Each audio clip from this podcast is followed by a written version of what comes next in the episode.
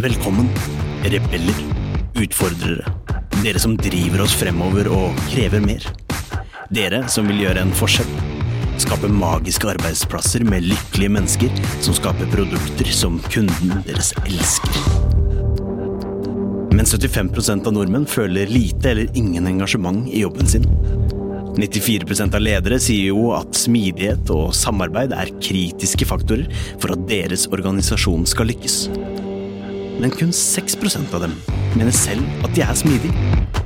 Dette er podden som vil inspirere, gi deg konkrete tips og verktøy som vil hjelpe deg med å skape endringsdyktige organisasjoner med høyt engasjerte og motiverte ansatte som lager uslåelige produkter.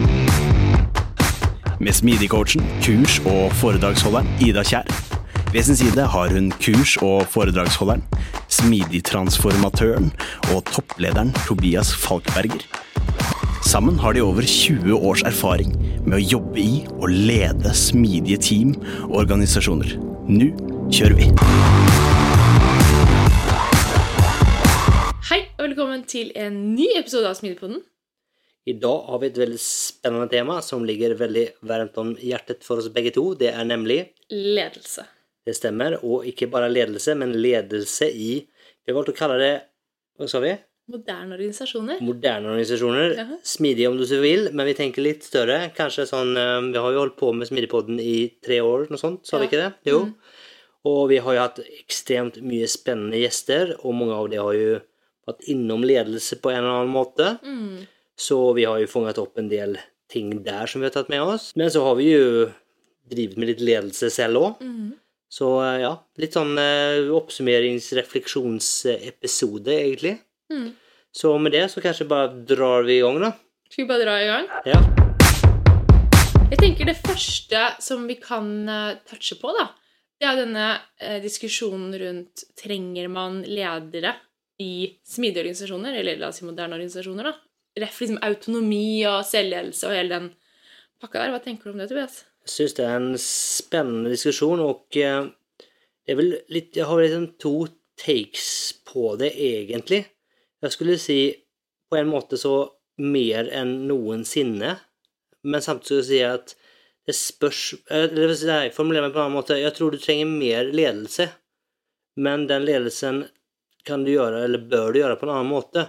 Og det Mm. betyr jo også at du ikke nødvendigvis at det trenger å ligge hos en leder, og det kommer vi kanskje litt inn på etter hvert. Mm. Men det er liksom min spontane tanke der, og det er vel Jeg tenker at det er vel kanskje spontant at det er en myte eller kanskje en misforståelse at du ikke trenger ledelse eller ikke trenger leder i en smidigorganisasjon. Vi har snakket mye om teamautonomi og Men der er definitivt ting som jeg mener noen burde gjøre, absolutt. Og så er det jo, kan vi diskutere litt hvorvidt det er én person, eller om det kan være flere, eller om det kan løses på andre måter. Mm. Enig. Hva tenker du, da? Jo, jeg er veldig enig med deg, og jeg tror det er viktig å separere eh, Vi var litt inne på det før vi startet episoden, og vi kommer sikkert til å touche på det mer. Men det å separere den på en måte admin-biten fra det mer retningsgivende, målsettende, visjonære. Og Eh, ikke minst jeg, det menneskelige, da. Ja, menneskelig, ikke minst. Så du er jo kanskje liksom inne på en sånn type tredeling, og det er jo kanskje sånn spennende egentlig, hva skal vi kalle det, observasjon. Litt som jeg har tenkt en del på de, de siste årene òg, er jo at det er, Eller egentlig før det òg, og det er jo det at liksom at eh, tradisjonell ledelse er jo egentlig en sammensurium av ganske mye ulike ting, ulike oppgaver. Eh, og det er vel kanskje naturlig egentlig å tenke at ja, men ulike typer oppgaver i ulik natur burde kanskje ikke løses av samme person. Men det har vi valgt å gjøre når det kommer til ledelse, og det syns jeg liksom er nesten et, liksom en interessant funn i seg selv. At du tenker at en person som er god på å administrere, han skal også være god på liksom eh, forretningsforståelse, være visjonær, forstå markedet, liksom kunne sette mål, få, folk med seg. Og så i tillegg skal du være veldig god på mennesker, interessert i mennesker, være god lytter, god sparringspartner, kanskje være coachende og servende i ditt lederskap. Og det her skal være en og samme person. Skal du være fagleder òg, kanskje? Du kanskje utvikle et fag òg? Ja, kanskje til og med det. Det er interessant. Du kanskje til og med skal være noen form av fagekspert. Eh, og man hører kanskje fort at det her er jo litt sånn Ganske, så nå har vi tatt nesten rundt fire kategorier, da. ganske tunge elementer som skal hvile på én person. Det kan man absolutt si. Og det er vel kanskje liksom litt der som har vært min tanke, og liksom det jeg prøvde å innlede med, at der er jo jeg vet ikke om jeg skal kalle det oppgaver, men kanskje ulike områder Mm. som kanskje må gjøres på en annen måte, men det er ikke nødvendigvis at det trenger å være én person Nei. eller den samme personen. Og det, og det er vel kanskje liksom første steget her, er jo at jeg tenker at i en moderne organisasjon så må du som leder fokusere på det som er viktigst. Og da tenker jeg fort at det som, som har med administrasjon å gjøre, er jo vanskelig å argumentere, argumentere for at det skulle være det viktigste, i hvert fall. Mm. Og det er jo Jeg tenker i mangt og mye så er personalledelse som måte, konsept Mm. er jo veldig mye administrasjon, i hvert fall liksom klassisk. Klassisk, ja. Og det er jo en av de tingene som vi har jobba med i Riks-TV, er jo liksom se på personalledelse. Hva er egentlig det? Og kan vi løse alle disse oppgavene innenfor det området på en annen måte? Mm. Hvilke oppgaver har dere sett på da? Nei, altså du har jo altså, Jeg tenker jo på, på helt sånn eh, klassisk som altså ferieavvikling, eh, sykdom, eh, administrative ting. Altså det er ny, ny PC, ny mobil, eh, alle de tingene der. Det er mye sånn rent sånn administrative ting. Mm. Ehm, det har du. Og så har du kanskje noe form av eh, det, ansvar for noen form av personlig utvikling, faglig utvikling. Jeg vil typisk tenke at det ligger hos en eh, personalleder. Hva har vi mer vært innom der? Jo, men du har vel kanskje noe Du har jo så klart onboarding, offboarding, er typisk mm. personalledelse, så det må jo må gjøres. Um, så det er sikkert mange mer ting som jeg ikke husker sånn på strak arm, men det ligger, ligger ganske mye oppgaver eh, av ulik natur, da. Mm. Um, og der har vi liksom konkret sett på hva, hva kan vi gjøre som organisasjonen eller de enkelte i organisasjonen kan gjøre mye av selv. da. Og at vi har tro på at eh, det må jo, den som best vet når det er riktig å ta ferie, det må jo være den enkelte personen i samråd med teamet som skal være ansvarlig for et eller annet. Og det er vel kanskje litt urealistisk at en person någonstans skal liksom ha full oversikt på det, at det er bedre at man tar ansvar for det selv.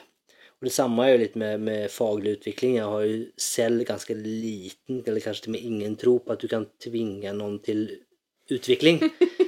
Det må liksom, Har du ikke den driven selv, så kan du så klart som leder legge til rette for å hjelpe til og kanskje fasilitere det, men, men någonstans så må jo den driven liksom komme innifra nå. da.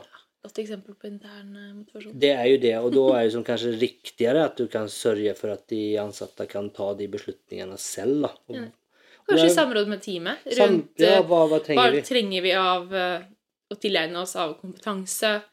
Eh, Hva har vi av budsjett totalt? Ja, og der er du kanskje inne på neste. Da er det kanskje noe med at hvis du skal ta mye ansvar selv, eh, så er det fint å ha noen form av rammer Mm. og noen tydelighet. Spesielt om du ikke, kanskje ikke er van å ta beslutninger, du er ikke van med selvledelse, så blir det mye tryggere, mye enklere hvis det er noen form av eh, noen tydelighet rundt det. Så det er også noe vi har jobba med i Riks-TV, er jo at eh, være veldig åpent og, og egentlig transparent på, på hva som både hva vi forventer, men også hva som er mulig. da. Ehm, så da, er opplever jeg at da er det liksom lettere å ta en beslutning på at eh, Kanskje også, også at man har hjelper med noen sånn kontrollspørsmål. Altså skal du på en, en kurs, så kanskje du skal spørre deg selv disse spørsmålene. Og kanskje spørre teamet disse spørsmålene. Liksom, er ni enige om at det er ja her, så er det liksom egentlig good to go, da. For det her er jo egentlig en ganske interessant eh, observasjon, og det er jo at uh, mye av det som ligger i ledelse, som vi snakker om nå, det handler jo om eh, beslutninger som skal tas fordi du er usikker selv. Kan jeg få gå på denne konferansen? Er den for dyr? Kan jeg ta ferie da, eller er det feil tidspunkt? Eh, og så handler det da om å lage faktisk prosesser rundt, og rutiner kanskje, som gjør at enkelte ansatte og teamet selv kan finne ut av det. Og det toucher på et annet interessant spørsmål rundt dette med at man ikke ja, skal ha så mye prosesser i smidig. Dette er et godt eksempel på at kanskje faktisk gode rutiner og prosesser kan erstatte den type admin-belastning hos en leder. da. Jeg er veldig enig, eh, og jeg tror at det er jo For det må man også huske på at, at eh, oftest, i hvert fall om du har vært leder en stund, så har du sikkert vært utsatt for ganske mye beslutningstakende. Mm. Og du kanskje har vært liksom, lært til noe triks og hvordan du skal tenke, og du kanskje også er mer bekvem om noen spør, så kanskje har du noe, noe gode svar, på en måte. Men som ansatt så er det kanskje ikke sikkert at du har liksom hatt den muligheten å trene på å ta beslutninger, eh, trene på å innhente uh, informasjon. Eh, så det mener jeg også at man liksom kan ikke det, det tror jeg er sånn generelt, at du kan ikke gå nødvendigvis da fra et system da, til et annet uten å hva si, anerkjenne at det ikke alle som nødvendigvis har den eh, kompetansen eller kapasiteten fra dag én som du som leder kanskje har opparbeidet deg gjennom mange år. Og da er jo ansvaret det som leder er jo for liksom, å legge til rette for at de kan ta gode beslutninger. Og det tenker jeg sånn generelt, altså hvis noen i organisasjonen din tar en beslutning som du mener er feil, så er det jo ikke den personen som har gjort feil, da er det du som leder som ikke har klart å fasilitere dem og lære dem, trene dem og gi de verktøyene for å ta gode beslutninger. Og da må du ta tak i det som måte, liksom, det underliggende problemet her, og ikke liksom peke på den stakkars ansatte som etter beste evne ikke klarte å kanskje ta en bedre beslutning. Da, utan da må du faktisk gå dypere og kanskje gå litt i det selv og se hva, hva kunne du ha gjort annerledes sånn at den personen var i stand til å ta en bedre beslutning. Da. Mm. Eh, Det var liksom, liksom kort om eh, liksom personalledelse, som er en sånn ganske administrativ del av ledelse. Mm. Og den som, som får oppsummere, så, så tenker jeg i hvert fall at det er jo noe du ikke burde fokusere så mye på. Eh, I hvert fall ikke liksom den administrative, operative delen, men kanskje i større grad å fokusere på å hjelpe de ansatte, legge til rette for, om det er med noe guidelines, om det er med noe ja, hva det nå måtte være. da, At du rett og slett får dine ansatte til å ta ansvar for det selv. da. Enig. Rett og slett ta et steg tilbake og tenke ok, hvilke, hvilke utfordringer er det vi ønsker å løse? Og løser vi det på en tradisjonell måte med administrasjon, personalledelse, eller kan vi løse det på en annen måte som passer oss? Ikke sant? Og der er jo kanskje en dimensjon som vi har ikke vært inne på før vi hopper fra personalledelse, var jo som slår meg litt nå, var jo det at du har jo Som personalleder har du jo ofte et ansvar for faglig og personlig utvikling. Eh, og så nå mener jeg jo så klart at den hoveddelen og det eierskapet, det ansvaret, må ligge hos den enkelte, men, men det betyr ikke at eh, du skal stå alene i det. Og da kan det være fint at du har noen form av eh, coach eller noen mentor. Og det kan jo være eksternt eller internt, men at du kanskje i hvert fall sørger for at du har noe system eller på noe vis eh, måte for folk å få sparring. Da. For det, det tror jeg sånn generelt er viktig. At, at det liksom er Det skjer noe magi i det når vi liksom begynner å diskutere ting med andre. Ja, og det tenker jeg er viktig at man liksom faktisk ikke, ikke glemmer her, da, at den dimensjonen er kanskje vanskelig å ta ut, og, og hvis, man, ja, man, hvis man da har kvar personallederrollen, så er det kanskje den dimensjonen som kanskje er viktigst, da, at være måtte, tilgjengelig som en, som en mentor eller som en coach for sine ansatte, da, og hjelpe dem igjen da, på denne reisen. Da. Og da tror jeg også inne på noe veldig viktig, det at altså, um, mennesker er jo ulike. Vi har jo ulike behov. Noen mennesker har jo behov for mye mer retningsgivende eh, kalle samtaler enn andre. Eh, De finner mer retning selv, kanskje. Eh, Og det er også kanskje litt viktig å tilrettelegge for i en sånn her Hvis man dr- drodler litt rundt denne problemstillingen, da, hvordan kan man løse disse utfordringene? Faktisk anerkjenne det at ulike mennesker og organisasjoner har ulike behov, og hvordan kan vi tilrettelegge for det? Eh, Fordi når du tar bort denne rollen, som veldig mange er vant til, så kan det jo skape usikkerhet hos veldig mange. Helt enig, og det er et godt poeng, og det er kanskje et viktig poeng òg, er at eh, og det er, altså, Noen kommer kanskje rett fra skolen, og da har du lært deg ting, men du kanskje ikke lært liksom helt sånne operative ting som kaller inn til et møte, f.eks. Mm. Og det kan jo være fint at altså, Du må jo ha noe ting for å måtte eh, legge til rette. Så trenger Ja. det igjen ikke nødvendigvis være en personalleder, men, men det kan jo være i teamet, eller det kan være en sentral, ja. sentralisert så er det jo, eh, ja, og så er det jo noen som lar seg utrolig motivere av det å ha en tydelig karrierevei. Altså, jeg skal ta disse kursene, jeg skal gjøre sånn og sånn og sånn. Og det å skape det sammen med noen, mens andre er jo mye mer altså, De fungerer ikke sånn, da. Men, ja, men akkurat Det det, du sier, kunne- at skape det sammen, tror jeg er liksom nøkkelen her. Da, at det liksom ikke det er ikke liksom her er Vær så god, her er oppskriften. Her oppskriften. er oppskriften. Så Ja. jeg tror det er, liksom, det er noe sånt med den eierskapet. Og så er det jo. Klart at det er liksom erfaring. Det er jo noe Og det, det er kanskje et, et liksom poeng å hoppe litt her, men det syns jeg liksom man kan ofte glemme, da. At liksom i Även om ting er i endring og det er nye utfordringer, så mener jeg at du har en fordel av å ha erfaring. Mm. Ikke nødvendigvis for at du har løst det samme problemet, men du har kanskje litt Du er litt mer moden, du er kanskje litt mer reflektert, du har kanskje noen prosesser, du har kanskje liksom kanskje et nettverk det er liksom, Du har kanskje litt andre ting å spille på når du har vært i arbeidslivet en stund, som du kanskje ikke nødvendigvis har når du er ung.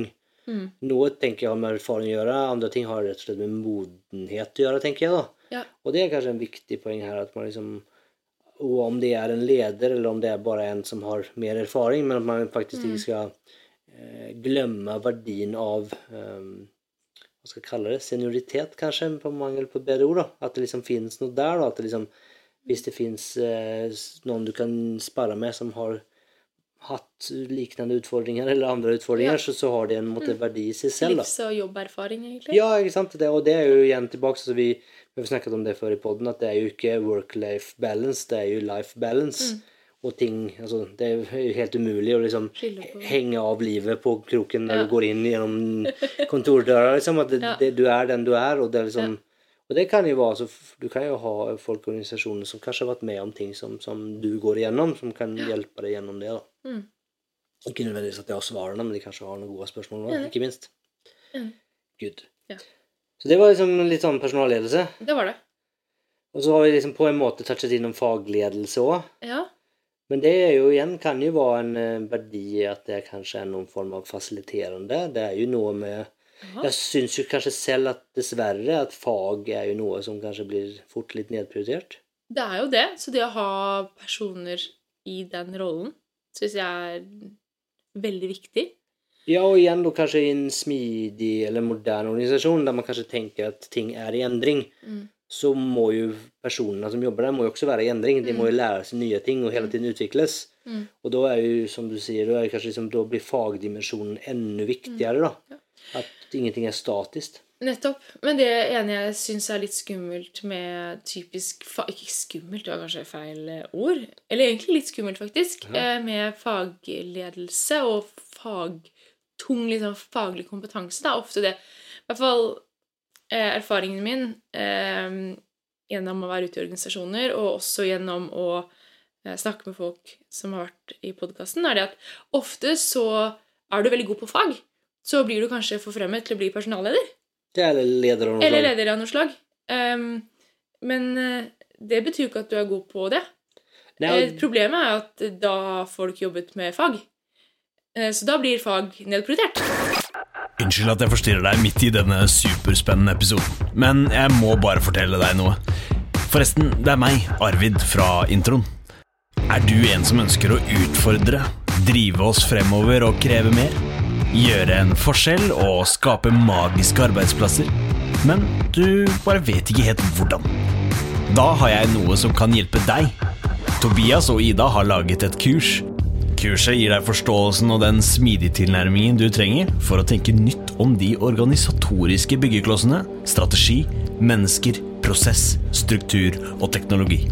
Lenke til kurset finner du i episodebeskrivelsen. Så din fagledelsejobb, den er Du har ansvaret, men du kan ikke gjøre det, for du må gjøre alle admin-greiene som du gjorde før. Så jeg tror det er viktigheten av å erkjenne at en god fagleder er ikke nødvendigvis, eller trenger ikke nødvendigvis, å være god på eh, andre typer ledelse. Det er helt ok at du kan være en god fagleder, og det er viktig. Det var en interessant approach. Jeg skulle si at jeg skulle argumentere litt sånn baklengs, på en måte. At du tenker at når du ble leder, så ble ditt nye fag jo ledelse, og ikke det faget du kom fra. Men der kan du tenke, du kan godt si at du, Det faget er jo allerede viktig. Ja, men du kan jo si som her så er det kanskje sånn at ja, men da er det kanskje her det er kanskje den eh, lederrollen Mm. som du faktisk kan dyrka faget ditt og samtidig være leder i større grad. Det har jeg ikke kommet inn på, men i større grad kanskje i annen type ledelse. Der jeg mener at der har du någonstans gått på veien, så har du gått fra faget, eller du har bytta fag fra det du opprinnelig drev med, til å faktisk drive med ledelse. Jeg er enig i den observasjonen. Jeg tror øh, Eller ikke observasjonen, men jeg er enig i det. Jeg er enig i det. Problemet er bare at jeg tror de færreste ser på det sånn. Det er Og det er der konflikten blir liggende, da. Ja, og det, det, og det tror jeg at man kanskje ikke nødvendigvis heller tar inn over seg, og det er kanskje der det kan også bli en sånn en skuffelse, da. For at, det, altså at være leder er jo en krevende jobb. Vi har vært inne på at det, liksom, det er veldig stort Masse. spenn. Mm. Du har veldig stort, ofte veldig stort ansvar. Du eh, skal håndtere en liksom veldig stor kompleksitet. Mm. Um, Så, så det er jo noe, og det er klart at, og da tenker man kanskje at at ledelse er liksom motiverende, liksom det, det er, eller sier ikke nødvendigvis motiverende, men det er ri- riktig vei å gå. Eh, Men eh, sett fra et faglig perspektiv så, så må du liksom någonstans i så fall anerkjenne ok, men nå bytter jeg fagfelt. Og så kan Ja. man så klart synes at det er gøy. Mm. Men hvis man tenker at man skal liksom videreutvikle, liksom jobbe i faget, så tror jeg man fort blir sånn skuffet. da. Mm. Og at du kanskje liksom, rygger inn i problemstillingen. At du Mm. liksom faktisk ikke nødvendigvis tar den jobben med riktige premisser, eller kanskje den nødvendigvis ønsker den jobben egentlig. Mm. Eh, og det er jo liksom mer problematisk sånn historisk sett òg, er jo at du har jo hatt liksom en hierarki, og du skal klatre i hierarkiet. Mens, eh, og da er, liksom, da er det leder, ledere, og så ledere for ledere, og ledere for leders ledere, og så det, baller det på en måte på seg, da. Men i en mer moderne organisasjon så tenker jeg jo at den er både flatere, og man også anerkjenner at det er ikke Den eneste veien er ikke oppover. Mm. Og at du kan, du kan gå mot en dypere i faget, men du kan også bytte fag, tenker jeg. At du har den type utvikling i en moderne organisasjon. Eh, Så du får nye oppgaver, nye ting som skjer, nye problemstillinger som gjør at du fortsatt kan utvikles uten å nødvendigvis bytte fag fra faget ditt til ledelse. Ja. For jeg tror denne, observa, denne måte, refleksjonen da, tror jeg det er veldig få organisasjoner som faktisk gjør seg.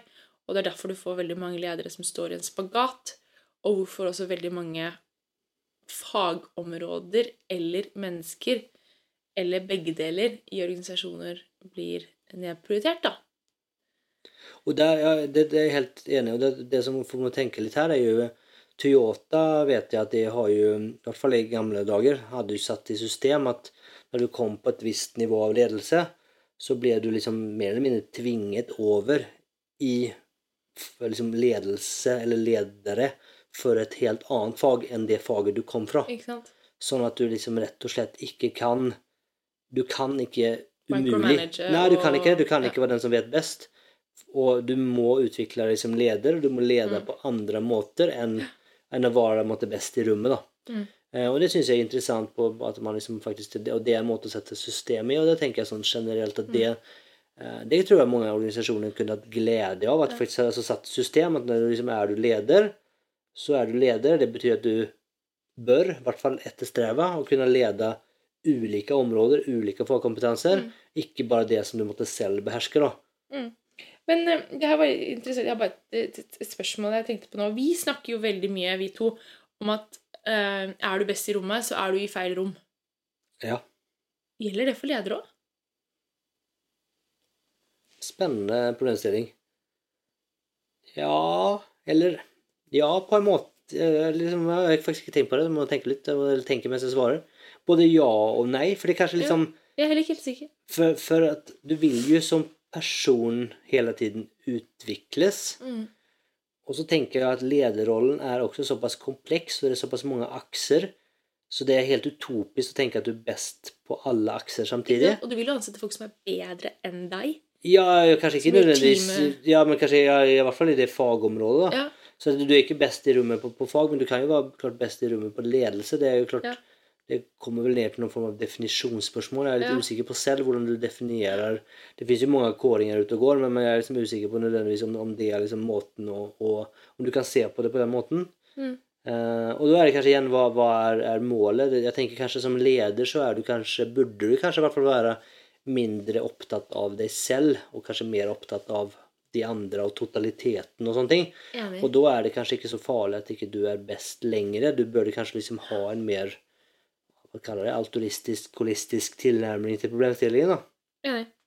Så det er jo ja, det er i hvert fall liksom en Jeg vet ikke om det var svar på spørsmålet, men uh, Nei, det var um, Det er kanskje en um, spørsmål til lytterne som du kan tenke på.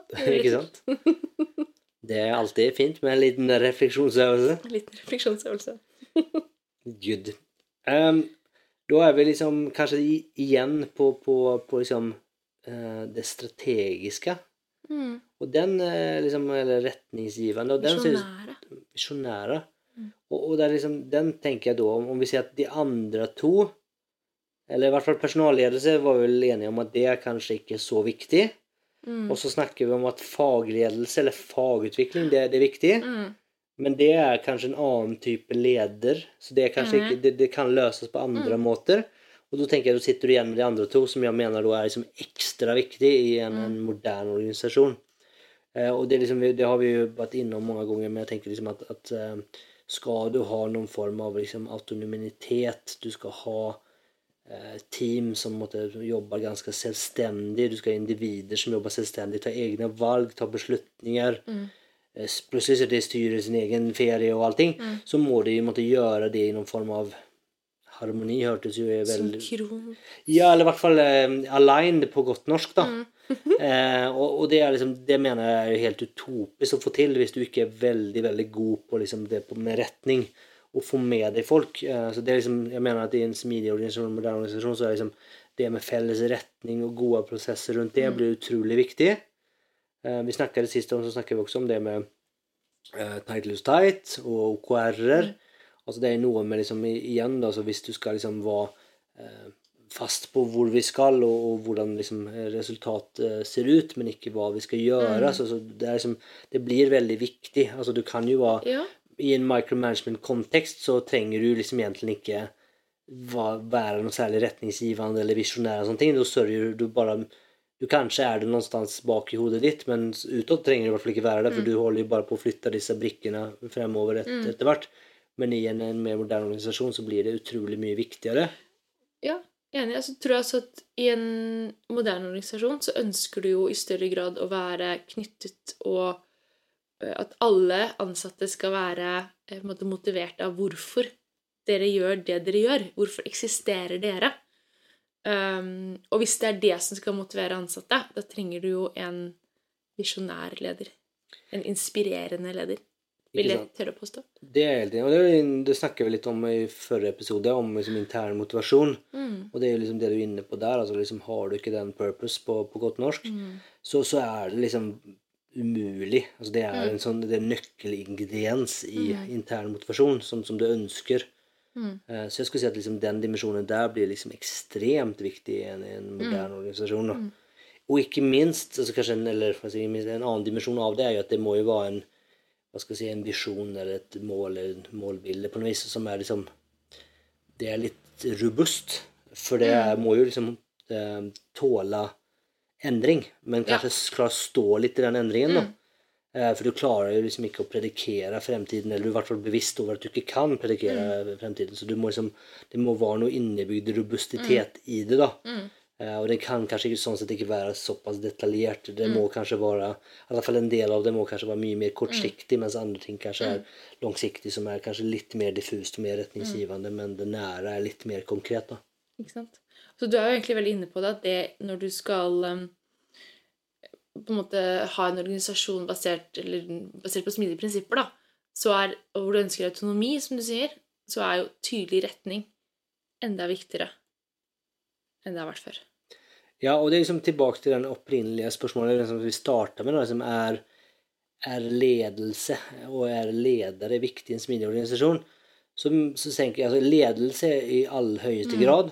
Ledere kan man så klart diskutere, men samtidig så, så er jo det liksom, det er jo en jobb som skal gjøres.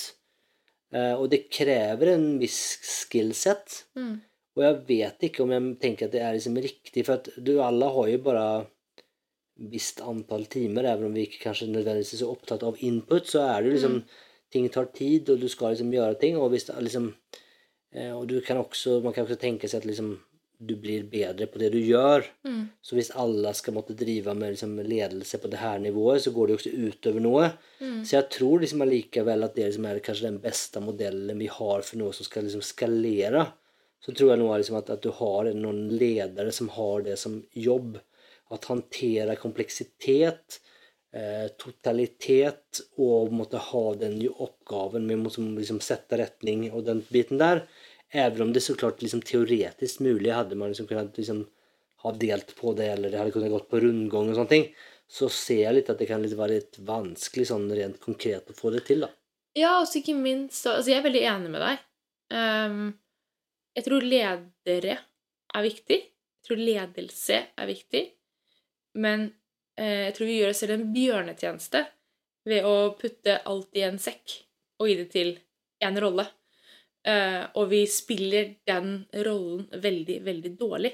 Så jeg tror ved å dele det opp, sånn som vi snakker om nå, så gjør du de lederne vi har, enda, enda bedre. Og deres jobb får en mye større effekt og mye større impact på organisasjonen og menneskene som er i organisasjonen. Så jeg mener at det er viktig og riktig, men kanskje ikke sånn som veldig mange organisasjoner gjør det i dag. Nei, og det er jo liksom, vi kommer liksom, vi har vært inne på det og nosa på det hele tiden. Mm. Eh, og vi kommer liksom, tror jeg vi kommer inn mer på det litt etter hvert òg, men, men det er jo jeg er helt, helt enig i at det, liksom, det, er, det er mye, det er komplekst. Mm. Eh, det krever et personlighet, det krever et liksom, engasjement, det krever et fokus. Eh, og det er liksom veldig bredde eller spredning i disse oppgavene. Så, så at, liksom, at en person skal gjøre alt, det er um, litt, eh, litt rart, kanskje man kan lov å si. eh, jeg syns man kan strekke det så langt som å si at det er egentlig urettferdig å forvente. Ja, for, de aller fleste i hvert fall. Det Ja, så finnes det sikkert, eller det finnes i hvert fall, det er helt sikkert, folk Helt som, sikkert. som klarer å gjøre, Ja, være veldig ja. gode på alt sammen. Og de kan få lov til det. Men ja, de- kan, kan de det? Ja, fordi tenk, tenk Ja, det er interessant, fordi eh, de hadde kanskje vært enda bedre hvis de ikke hadde fått lov til det. Ja. Så det er jo også jo Ja, for Hvor gode er de egentlig? Hva er potensialet? Ja, hvor sant, er de? Du tror de er veldig gode, men hvor er egentlig potensialet? Ja. ja, det er interessant. Og det tar oss kanskje videre til det som siste hva skal vi kalle det, området. Har vi, hva jeg kalte gjennom uh, episoden. Husker ikke hva jeg kaller det selv engang. Men, eh, og det er jo på en måte mennesker, da. Fokus på, på mennesker. Folk. Og det, det, det var inn, vi var innom det på personalledelse. Mm. Og det, liksom at det er jo en del av personalledelsen som jeg fortsatt mener er liksom viktig. Mm. Og det, det, det, det står jeg i. Mm. Jeg tror vi alle trenger noen å snakke med. Jeg tror vi alle trenger noen som kan se oss for den vi er. Jeg tror vi alle trenger noen som eh, i hvert fall liksom til stunder kanskje har litt mer erfaring, litt mer visdom, Mm. litt uh, ting å måtte hjelpe oss med. da. Mm. Noen ganger så trenger vi å bli coacha, andre ganger så kan det være litt deilig å liksom Få litt retning. få litt retning. Mm. En annen tredje ganger så kan det være litt nice å bli utfordra òg. Mm. Så og det er liksom, jeg tror vi, det er noe der, da. Mm. Eh, og det tror jeg liksom er viktig å ha den liksom eh, pushbacken. Mm. Eh, Vi har snakket en del om prosesser. Prosesser for mennesker. Mm. Så du trenger noen som måtte liksom er, syns at det er spennende å legge til rette for. Vi snakket jo også innledningsvis liksom om det med å liksom, om du skal bort fra liksom administrativ personalledelse, Mm. så må du jo ha noen som faktisk kan jobbe med det her. Mm. Eh, I forlengelsen av det her så kan man jo si at mennesker er jo som Vi har, vil jo ha en kultur. eh, er mennesker som, som eh, fungerer godt sammen. Og at du faktisk da kanskje må ha noen som måtte catere for at vi liksom blir godt kjent. At vi får liksom på noe vis sørge for at vi tiltrekker oss personer som, som har måtte, kanskje samme verdigrunnlag, som passer inn i organisasjonen, som ønsker å samarbeide. Um, så du har liksom en hel folk og kultur, rett og slett, som, som, som, som, som er en, måte, en viktig dimensjon, og kanskje enda viktigere dimensjon, da. Eh, skulle jeg si da, i en, en, en mer moderne smidigorganisasjon. For at menneskene er jo de som løser de komplekse problemene som vi står innenfor. Og vi har vært inne på liksom, at det er ikke en work-life balance, det er liksom en life balance. Og det handler liksom om å sørge for at alle har det så bra som det er mulig til enhver tid, sånn at de faktisk kan gjøre en så god jobb som mulig. Og liksom at ta inn over oss det at liksom er det ting som ikke fungerer, uansett hvor det problemet er, så, så vil ikke folk kunne yte. da. Og det tenker jeg som arbeidsgiver, så må du liksom anerkjenne at du har en hva skal jeg si, egen interesse i at folk har det bra, da, for, for ellers så får du ikke ut den effekten som du ønsker. da. Helt enig. Eh, og det var liksom de fire områdene som, som Og så har vi gått litt i, litt i ring, men jeg tror liksom at det, liksom, det, det er noe der, da. Ja. Og jeg vet ikke om vi skal liksom prøve å du, Jeg vet at du har noen spennende modeller, vi kan gå inn i det, men liksom for å oppsummere, så liksom igjen, så tenker jeg liksom at det er Ledelse er kjempeviktig. Jeg tror ledere er også veldig viktig. Men det er ikke nødvendigvis at ledere skal gjøre de samme tingene som de alltid har gjort. Nei. Og det krever kanskje ikke bare ulike verktøy, men det krever kanskje ulik Hva skal jeg kalle det? Personlighet? Mindset? Mindset, kanskje? Skillset. Skillset, ja. Og det er jo kanskje liksom en, en viktig ting å ta, om, ta inn over seg. Om Men dette her er interessant også. Unnskyld at jeg avbryter. Nei, men, men-. Men um, jeg har tenkt en del på dette med uh, hvordan er man, uh, er man født en god leder, eller blir man en god leder? Jeg tenker ganske mye på det. Uh, har en del tanker rundt det, men hva, hva tror du? Altså, det jeg tenker, er det jo Er man naturlig gode ledere? Ligger det på en måte i noen menneskers natur, og så kan man på en måte bli eh, liksom, utvikle den skillen? Eller tror du at alle starter på liksom samme sted, og så kan man på en måte gå kurs. Forstår du hva jeg mener? Jeg forstår hva du mener.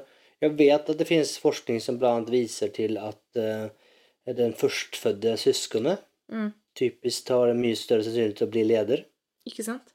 Det kan man kanskje tenke seg da, at du har liksom som eldst Du har jo tilegnet deg egenskaper gjennom livet som gjør at du kanskje er mer egnet. Ikke sant? Eh, du, og, og så finnes det jo også, det finnes jo også forskning som viser at du får en selvfyllende profesi. Mm. Altså de barna som, som Det finnes jo til og med eksempler på barn som av en feil har fått måtte, liksom, feil måtte, karakter. Og, og, og, og av det så begynte du å tro på seg selv, og så av det Mm. Så så har det det, blitt så- flinkere, og så har sant? blitt en selvfyllende mm. Og det kan man kanskje tenke på på, på, på et søsken som er bigger and better, Mm. eh, har kanskje en tendens til å ha høyere selvtillit, og av den Mm. grunn kanskje tør å ta steget til ledere. Så kan man si at det er kanskje i en kontekst av en mer klassisk ledelse, men at det kan definitivt være noe der òg, at du liksom altså med den du, er, du er vant til å være den største og sterkeste i gruppa, så derfor så, så er det liksom en, en vei inn der. Men dette får meg også til å tenke på noe annet. Fordi um, jeg ble spurt for en stund siden uh, hva jeg mente var den viktigste lederegenskapen. Uh, og for meg så er det empati. Mm. Det mener jeg er den aller viktigste egenskapen til en god leder. Uh, og en storesøster eller storebror har, vil jeg påstå, hatt ganske mange muligheter til å utvikle empati. Jeg vet ikke om min lillebror er enig i det, da, men Nei, men bare hear me out. Fordi at en storesøster eller storebror må kanskje passe litt ekstra på eh, de mindre. De tar litt ekstra ansvar, kanskje. Utvikler kanskje den skillen på en annen måte. Jeg bare drodler litt. ja, det kan godt være. Jeg kjenner dessverre jeg si, kanskje ikke nødvendigvis helt igjen meg selv i det bildet der. Nei. Altså, kanskje mer som, som voksen eller som, som eldre, så, så absolutt. Eh, Ja. Men, men jeg, jeg, jeg vet jo liksom at jeg, jeg, jeg bet min bror en gang så fort eh, mamma gikk ut, liksom. Hadde sjansen, liksom. Da var veldig, veldig liten, så jeg var liksom ikke liksom helt sikker på at jeg liksom kjenner igjen meg i det som, som barn, i hvert fall. Men jeg vet Eh, liksom ikke om det teller når du er fire år, liksom. Nei, det gjør sikkert ikke det. Eh, Så, så som voksen, så, så absolutt. Ja, bare tenkte, fikk bare en refleksjon jeg fikk. Men jeg vet i hvert fall at eksempel um, jenter som har drevet mye med hest, det har de forsket på, de ser jo at dem er, um, blir ofte veldig gode lederkandidater når de blir eldre. Og det er jo nettopp dette på e- empati. Det at du setter andre foran deg selv. Du prioriterer andre hele tiden foran deg selv. Da. Hesten skal jo alltid prioriteres fremfor dine egne behov. Så ja, altså det, så jeg tror nå at det er jo kanskje altså det, er vel, det er jo miljøen Eller jeg, si, jeg, tror, tror det har en fordel av den konteksten du har vokst opp i, og de mulighetene du har hatt til å trene på de tingene som du tar med deg. Mm. Eh, og så er jeg litt sånn usikker på hvorvidt det er liksom hva, hva det er, om det er liksom, om det er liksom født sånn, eller om du liksom rett og slett har blitt Jeg tror jo Tilegnet egenskaper jeg tror jo at det, at det er liksom at du rett og slett har liksom hatt muligheten på å øve på disse tingene Mm. over tid, og sånn sett så har du en fordel. Og så blir det liksom selvoppfyllende profesi, for du ser altså de tingene du er god på, det syns du er gøy, Mm. og så søker du de tingene der du får liksom du fortsatt liksom, du, litt, du, du får det til, Ja. men det er litt, kanskje litt vanskelig, og så boller det liksom litt på deg. Mestringsfølelse, rett og slett. Mestringsfølelse. Jeg, så jeg, jeg tror jo kanskje at det er mer det. Mm. Og sånn sett så kunne man liksom tenke seg at det går liksom at Mm. ehm, At det er liksom eh, mer den konteksten du vokser opp i, og at alle kan måtte utvikles dit. Mm. Og jeg har jo eh, egen erfaring av ledere som har hatt en fantastisk utvikling. Mm. Eh, Även som väldigt eh, erfarna ledare så har Mm. det liksom likevel liksom en, en ganska en långt in i karriären liksom hatt en fantastisk utvikling Mm. og, og lært seg masse nye ting og, tatt veldig mye ting til seg. Og, og, så at jeg tror at, liksom, at du kan definitivt lære. Mm. Men det jeg tror kanskje, liksom, på, eller som jeg tolker litt ut av diskusjonen vår, dialogen vår, er at du må jo ha igjen en interesse for å vilje utvikle deg og lære. si Du må ha en interesse for det. Ja, og så må du, tror jeg, at du må ha selvinnsikt. Enig. For har du ikke det, så klarer du ikke lede deg selv, så kan du ikke lede andre. Klarer du Mm. ikke liksom se deg selv, så kan du ikke se andre. Mm. Så det må være kanskje noe som kaller det ba ba basala, liksom grunnleggende ting Mm. må, må nok være på plass. Enig. Men har du det, så, så tror jeg nok at du kan, liksom, kan få det til. Mm. Skal det ta oss litt over til, eh, til liksom modellen og refleksjonene dine der, eller? Passer den inn? Ja, det tror jeg. For, for liksom, bare for å sette det i en kontekst, så var liksom diskusjonene vi hadde var ju, alltså det finnes jo masse ulike modeller og masse liksom ulike prinsipper eller si, filosofier. Vil jeg mm. si. Men det som kanskje er liksom interessant, er jo at eh, i hvert fall med den modellen, den forskningen som du skal ta opp, var jo at liksom det finns av alla de ledare vi finns eh, som man liksom har sett Mm. på da, så er det kanskje veldig liten andel av de som egentlig liksom er egnet for den type ledelse som kreves i en moderne modern organisation. det och det er jo liksom en eh, det er kanskje kanske liksom nesten en dil- dilemma da. Mm. At du liksom du ønsker noe som du ikke nødvendigvis har byggstenarna til. Mm. Og det kanske någonstans i alle fall minst måtte ha en refleksjon rundt det da. Mm. Jeg er helt enig. Uh, det var en veldig fin innfallsvinkel. Eh, jeg liker jo denne modellen veldig godt. Eh, den er lagd av en mann som heter William Torbert, mener jeg. Eh, og den heter egentlig Action Logics, da. Det er det man, man kaller det. Og da har du en eh, syv ulike Kan vi kalle det liksom lederprofiler? Ja, det, det? ja. Um, og så Vi kan gå gjennom alle sammen, for jeg tror kanskje det er litt interessant å høre. Ja. Um, jeg har det på engelsk, så det blir sånn hybrid norsk-engelsk, da, så dere får bare liksom bear with me. Det starter allerede nå. Jeg har liksom allerede vært en, allerede vært en runda gjennom svorsken så det tenker Ja. jeg går fint. Det går greit. Det som er interessant med den her, er at man kan på en måte i stor grad dele inn ledertypene i command and control, type ledelse, og mer sense and respond. Og det er jo mer sense and respond, det er jo det vi ønsker oss i en moderne organisasjon. Det er jo sånn vi ønsker organisasjonen vår til å være. Og det er jo veldig krevende å bevege seg mot en sense and respond-organisasjon eh, hvis du har kun command and control-ledere. Tenker i hvert fall jeg. Jeg er veldig enig, og det er jo ofte man, man prater jo ofte om liksom mellomledelsen, ikke minst. Altså mellomledelsen som måtte blir hva skal jeg skvisa i en sånn type organisasjon, og kanskje liksom har eh, kanskje ikke bare liksom mest å tape, kanskje nesten alt å tape i, i Mm. noen ytterfall. Så, så det er jo klart at hvis du da kanskje ser det, så er jo det veldig Mm. problematisk, og kanskje noe du ikke ønsker. Ikke sant? Så da har vi på toppen da, så har vi det vi kaller for opportunist. Opportunistisk. Um, og da handler det om at det er eh, jeg versus verden. Altså jeg mot verden. Uh, og verden er svart-hvitt. Eh, og problemet er aldri meg. Det er litt sånn mindsettet som du har i den type rollen. Eh, du ønsker å vinne uansett hva. Eh, Du er veldig selvorientert, manipulativ, og det som jeg kaller for might makes right. Altså might, altså kraft, eller Ja, posisjon, eller autoritet, eller ja. Um, en styrke, da, eller styrker til denne type lederprofil, er at uh, man er veldig god i uh, nødsituasjoner og i salgssituasjoner. Og dette er jo en typisk command and control-lederstil. Og så ut fra den forskningen som er gjort her, så er det 5% av alle ledere er denne type leders, lederstil. da. Mm. Så heldigvis ikke så mange. Nei, men det har jo sin, har jo sin Det sin sjarm. Ja. Ja. Og så har vi neste, som er diplomat. Eh, Og det er litt sånn oss mot verden. Istedenfor meg mot verden, som var opportunisten. Ja, nå er det oss mot verden. Um, og så har vi det man kaller for external locus of control. Jeg vet ikke hvordan jeg skal oversette det til norsk. Um, Kanskje vi holder det på engelsk, så ellers så Ja. tenker det er jo ikke en kurs i uh, engelsk. Det tenker vi, vi, vi klarer litt engelsk, gjør vi ikke jeg håper det. Uh, man um, avoids overt conflict. Mangel på et bedre ord for overt. Eh, man ønsker tilhørighet. Eh, man um, Hva heter det? Eh, obey group norms. Altså, ja. Eh, og rarely rocks the boat.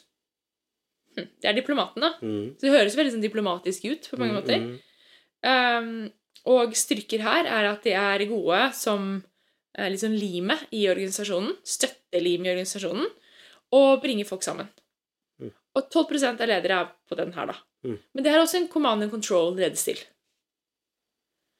Eh, neste er det som vi kaller for expert.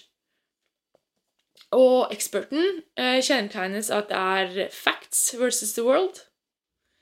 Eh, og verden er komplisert. Man kan gå dypt, men ikke bredt. Så man har gjerne dyp fagkunnskap, ikke bred fagkunnskap.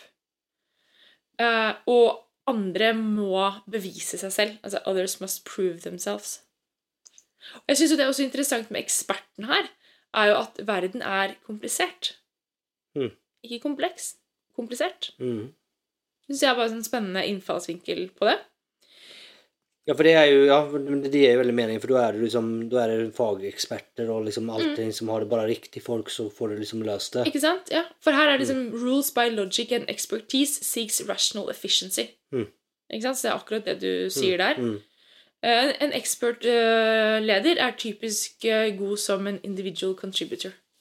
Og det som er litt sånn i gåsehudet skummelt her, da, er at 38% av ledere er den type ledere. Det henger veldig sammen med det vi snakket om tidligere.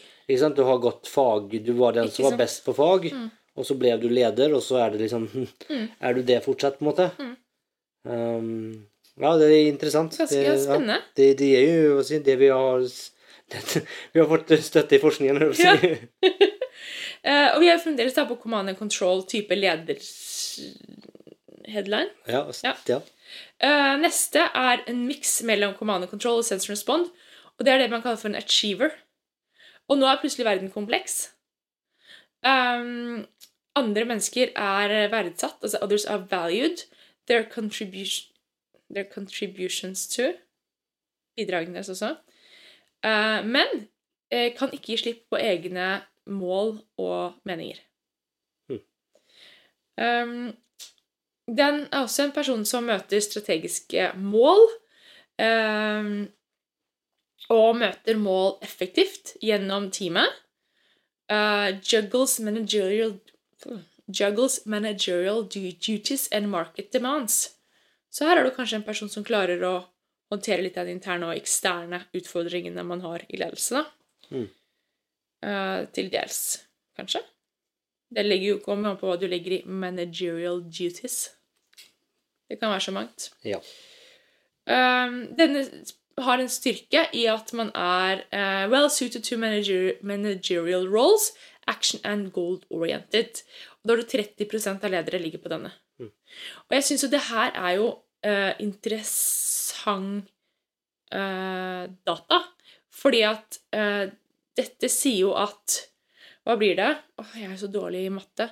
Eh, 6 70, 75 av ledere innenfor denne forskningen ligger da på command and control-ledelse. Mm. Men vi ønsker oss til en sensor respond. Tre av fire, da. Det er ganske dramatisk. Det, ja, du har uh, oddsen stacket mot deg. Du har det. Men hvis vi går ned på sensor respond-ledelse, da Den første her er individualist. Eh, og det er en interessant første setning. Reality is an interpretation. Mm. Eh, values difference and diversity. Sense and respond. Uh, og så er det interviews competing personal and company action logics. Creates unique structures to resolve gaps between strategy and performance. Og det er jo litt tilbake til det at reality is an interpretation. Ikke sant? Mm. Alt er en sosial konstruksjon. Kan man ikke si det litt sånn? Ja, ja, ja. Um, det som kjennetegner denne rollen, er at det er veldig effective in venture and consulting roles. Hmm. 10 av ledere har denne profilen. Spennende. Ja, veldig. Og så er neste, da. Det er eh, strategist. Um, og da har vi jo World is complex and ever evolving. Stands firm. Faith in others to solve their own problems. Um, og generate organizational and personal transformations. Exercises the power of mutual inquiry, vigilance and vulnerability for both the short and long term. Styrke er effective as a transformational leader. Hvor mange prosent av ledere tror du er her? Det kan du kanskje, sånn kanskje regne deg litt fram til. Ja, burde det. Vi er vel i størrelsesorden 5 eller noe sånt. eh. 4 For Ja, vi har en profil til. Ja, ok. Ja. 4 av ledere er her. Og jeg vil jo si at dette her er jo en lederprofil som man øh, kanskje ønsker seg i en moderne organisasjon. ja, ja. Men, eh, men jeg, Kanskje ikke alle skal være der? Nei, det, noen det er kanskje der. noe med liksom jeg, for, vil ha balanse, tenker jeg. Altså. for det er jo også på en måte interessant egentlig, altså, For det, det, det vet jeg ikke om modellen her sier noe om, men, men det er jo kanskje altså, Du ønsker jo en viss dynamikk òg, ikke sant? Ja, ja. Eh, Og spesielt om lederne tenker at de er i noen form av teamstruktur, noe, Mm. så er det jo liksom En gjeng som bare sitter og jatter med, er jo liksom ikke ja heldig. hvis alle tenker likt, tenker ingen. Ja, ikke sant? Så det er jo noe der. Så ja, jeg synes det er interessant. Det er ikke, det er ikke nødvendigvis at det liksom er Det er ikke riktig at alle skal være samme. Nei, jeg tror ikke det. Nei. Jeg tenker ikke det. Det er en kjempeverdi i at folk er ulike, og at man har de ulike lederprofilene. Men dette, denne modellen, eh, som, hvorfor jeg liker den, da, er bevisstgjøringen den gjør, gir Mm. deg. Eh, det er det at ok, dette er den type profil. Hva betyr det i denne konteksten? Um, hva slags leder er det man kanskje egentlig trenger i denne rollen her? Mm. Eller i denne situasjonen her? Eh, ok, vi skal dit. Hva trenger vi av lederpersoner rundt oss Mm. for å hjelpe oss å komme dit? Og det er kanskje denne bevisstgjøringen som den modellen her jeg syns gjør veldig bra. da. Mm. Eh, Hvorfor jeg liker den veldig godt. Uh, bare for å ta den siste, da. Den, den blir ofte droppet, fordi det er bare 1% av ledere som er der. Uh, og det kan man få alkymist. Um, og dette er en person som generates social transformations. Integrates material, spiritual and societal transformation. Ja. Eh, og denne personen er veldig good at leading, leading society-wide transformations. Hmm. Det er bare 1 som er der. Så det er mange som mener at den liksom ikke er helt relevant i denne modellen. Eh, men eh, jeg vet ikke om jeg Ja, det er vel kanskje få av oss som man kan si at man driver med noen form av eh, Social transformations. Ja, Spiritual and det finnes jo de som absolutt driver med det òg, men De gjør jo det. Ja. Ja, men uansett, da. Nå har vi sagt jo litt i stad hvorfor vi syns dette her var en interessant modell. Um, og ja, som dere skjønner, så er det jo veldig få lederprofiler som ligger i den sense and respond Um, Inndelingen, ja. Det, kategorien, Ja. Ja. Subkategorien. subkategorien, ja. Som er en interessant refleksjon i seg selv, da. Mm. Vi, eh, vi lenker til noe, sikkert noe, noen bilder og litt sånne ting. Vi kan legge opp et det bildet her på, Ja. på smidigpodden.no, på episodebeskrivelsen, så kan dere liksom se på den samtidig. Eh, Så hvis dere nå har hørt gjennom all min jatting uten å få med dere at den ligger der, så er det veldig dumt. Da får dere spole tilbake, så hører jeg på nytt. Ja. Nei, men det, ja, det gjør det. For jeg synes det, ja, det er en interessant modell bare å reflektere rundt. Og så finnes det så klart veldig mange ulike modeller og ulike ting. Og, Selvfølgelig gjør det det. Um, så det er jo ikke nødvendigvis fasit. Og det er vel kanskje med alt sånt her at det er vel kanskje mange ganger så er det kanskje refleksjonen og diskusjonen som er det viktigste. Enig. Helt enig. Så med det så kanskje vi skal dags å runde av. Du har lyst til å si noe? Nei, jeg tror kanskje det. Jeg er helt enig. Ja, Det er dags å runde av. det er dags å runde av. Så, ja. så med det, takk for at dere lyttet, og Mm. hold ut hele veien til start, starten. Slutten. Nå er det i hvert fall dags. Nå tror jeg det er på tide å runde av. Ja, yes. Ha det bra. Ha det bra! Er du en som ønsker å utfordre, drive oss fremover og kreve mer? Gjøre en forskjell og skape magiske arbeidsplasser? Men du bare vet ikke helt hvordan. Da har jeg noe som kan hjelpe deg. Tobias og Ida har laget et kurs. Kurset gir deg forståelsen og den smidige tilnærmingen du trenger for å tenke nytt om de organisatoriske byggeklossene, strategi, mennesker, prosess, struktur og teknologi. Lenke til kurset finner du i episodebeskrivelsen.